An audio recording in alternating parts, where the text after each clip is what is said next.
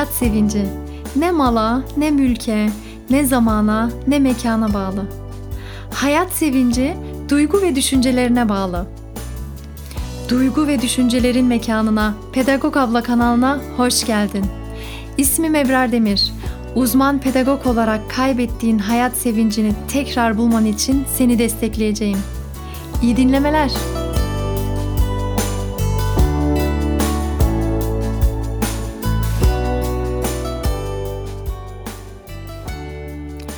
Selam. Geçen hafta sosyal medyada beni takip edenler bilirler ki parkta bir teyzeyle daha doğrusu birkaç teyzelerle uzun uzun sohbet ettik ve hemen ardından zaten sizlerle paylaştım ve bu görüşmeden öğrenebileceğimiz bir şeyler vardır diye hissettim, düşündüm ve bu bölümü hazırlamaya karar verdim.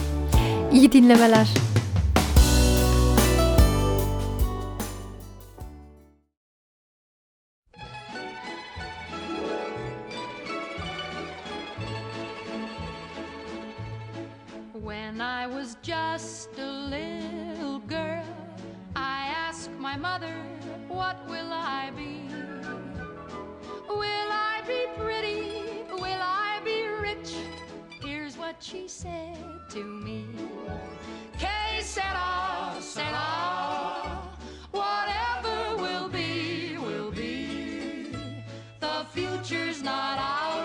See.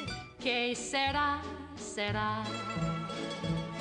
What will be, will be.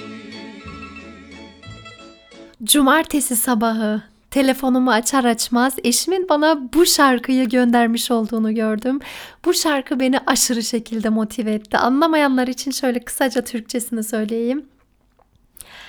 Henüz küçük bir kızken anneme sordum. Ben ne olacağım? Güzel olacak mıyım? Zengin olacak mıyım? Ve işte annemin bana dedikleri. Her şey olacağına varır. Ne olacaksa olacak. Geleceği göremeyiz. Her şey olacağına varır. Büyüdüğümde ve aşık olduğumda sevgilime sordum. İleride bize ne olacak? Gök kuşaklarımız olacak mı? Ve işte sevgilimin bana söyledikleri. Her şey olacağına varır. Ne olacaksa olacak. Geleceği göremeyiz. Her şey olacağına varır. Şimdi benim de çocuklarım var. Annelerine soruyorlar. Ben ne olacağım? Yakışıklı olacak mıyım? Zengin olacak mıyım? Onlara nazikçe şöyle diyorum. Her şey olacağına varır. Ne olacaksa olacak. Geleceği göremeyiz. Her şey olacağına varır.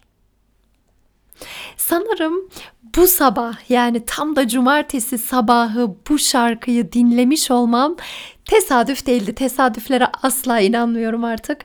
Tevafuktu. Böyle bir içimi rahatlatan bir parça oldu. Ne olacaksa olacak ya. Gerçekten de böyle ufak tefek şeyleri kafama takarak neden mutsuz oluyorum, neden huzursuz oluyorum ki?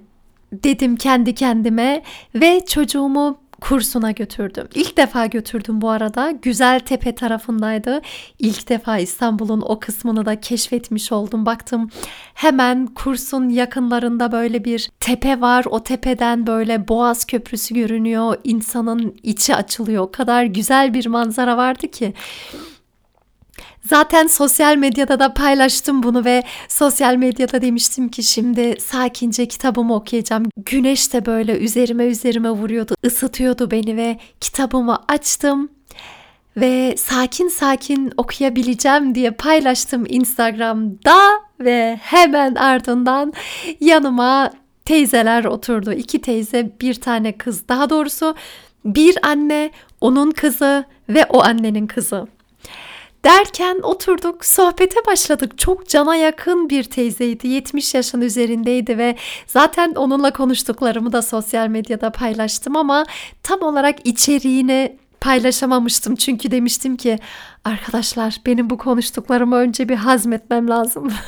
çok ağır gelmişti. Çok çok ağır gelmişti. İlk önce bir nefes almam gerekiyordu ve bismillah demem gerekiyordu. Daha önce konuşamadım, anlatamadım kere teyzenin aşırı şekilde samimi, güler yüzlü ve cana yakın olduğunu fark ettim. Yani hiç tanımadığı benle direkt konuşmaya başladı. Kızım rahatsız etmeyeyim seni sen kitap okuyorsun ama sen nerelisin diye sohbete başladık bir kere. Sonra ben sordum. Vanlıymış teyzemiz ve daha sonra laf lafa açtı. O teyzenin ömrüne sığdırdıkları beni hayretler içerisinde bıraktı. Zaten 12 yaşında evlendirilmiş olmasıyla başladı hayat hikayesi. Eşi 30 yaşlarındaymış ve ona dayı diye hitap ediyormuş. Daha evliliğin ne olduğunu bilmiyor. Daha neler başına geliyor, neler gelecek onlardan habersiz dayı diye hitap ediyormuş ve bu adamın 7 yaşındaki küçük bir çocuğu varmış önceki eşinden.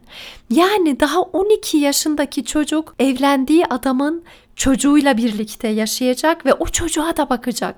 Sorumluluğun bu kadarına bakar mısın? Daha sonra 5 çocukları oluyor bu adamdan ve bir zaman sonra artık adam vefat ediyor ilk eşi.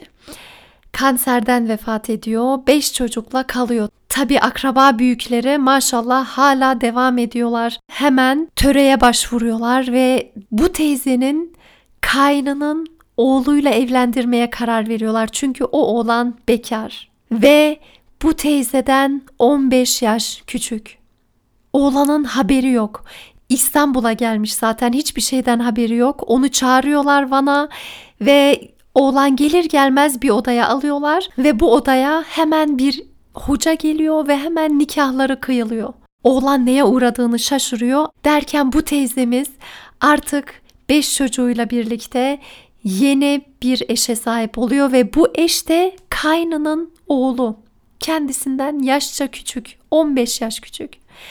Derken çok ilginç bu teyze onu o kadar sevmiş ki ilk eşinden bahsederken ağlamadı. Ama ikinci eşini anlatır anlatmaz gözlerinden yaşlar aktı. Bir yaşlar aktı, bir yaşlar aktı ve erken vefat etti dedi. 53 yaşında vefat etmiş ikinci eşi. Ve çok ilginç ikinci eşiyle de 5 tane çocuklar olmuş. Ve en şaşırdığım böyle yok artık dediğim olayda kendi ilk eşinden olan kızı da bu dayısının bir oğluyla evlendiriliyor.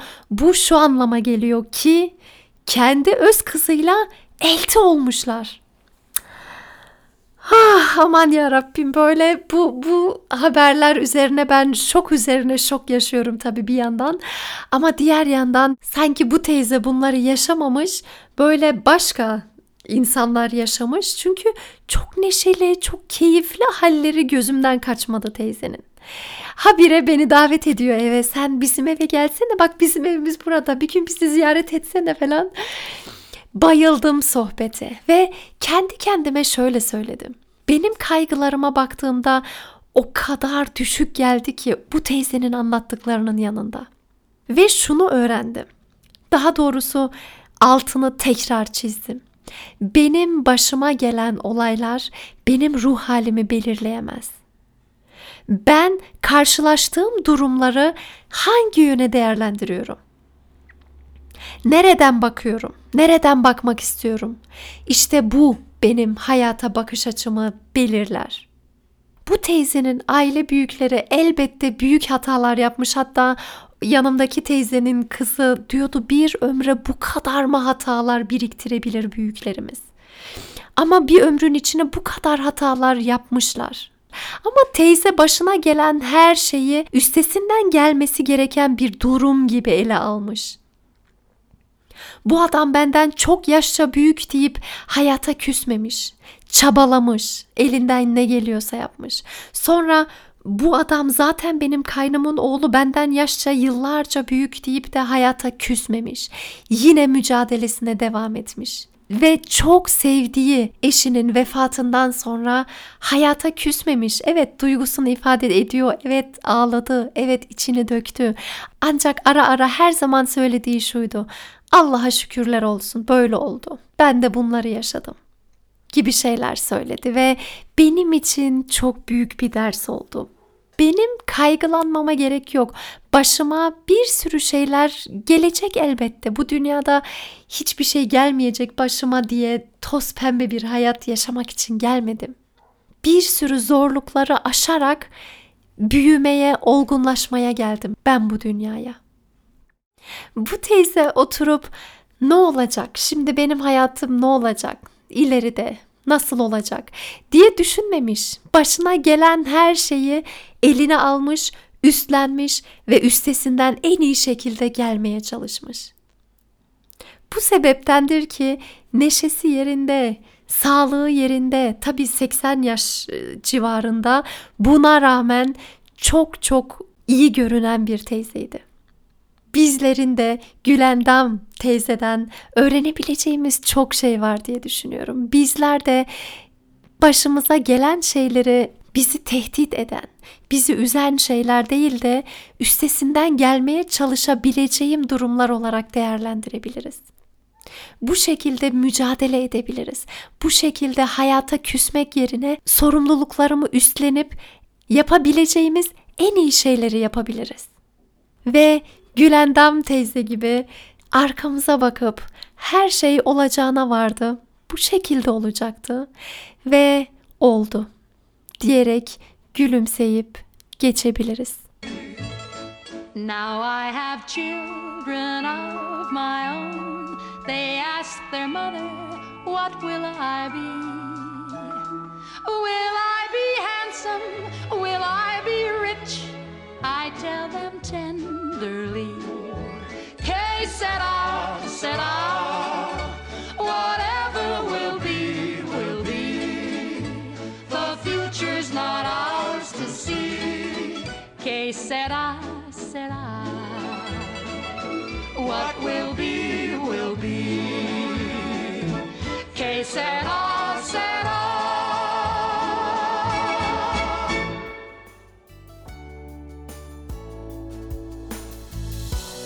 Dinlediğin için çok teşekkür ederim.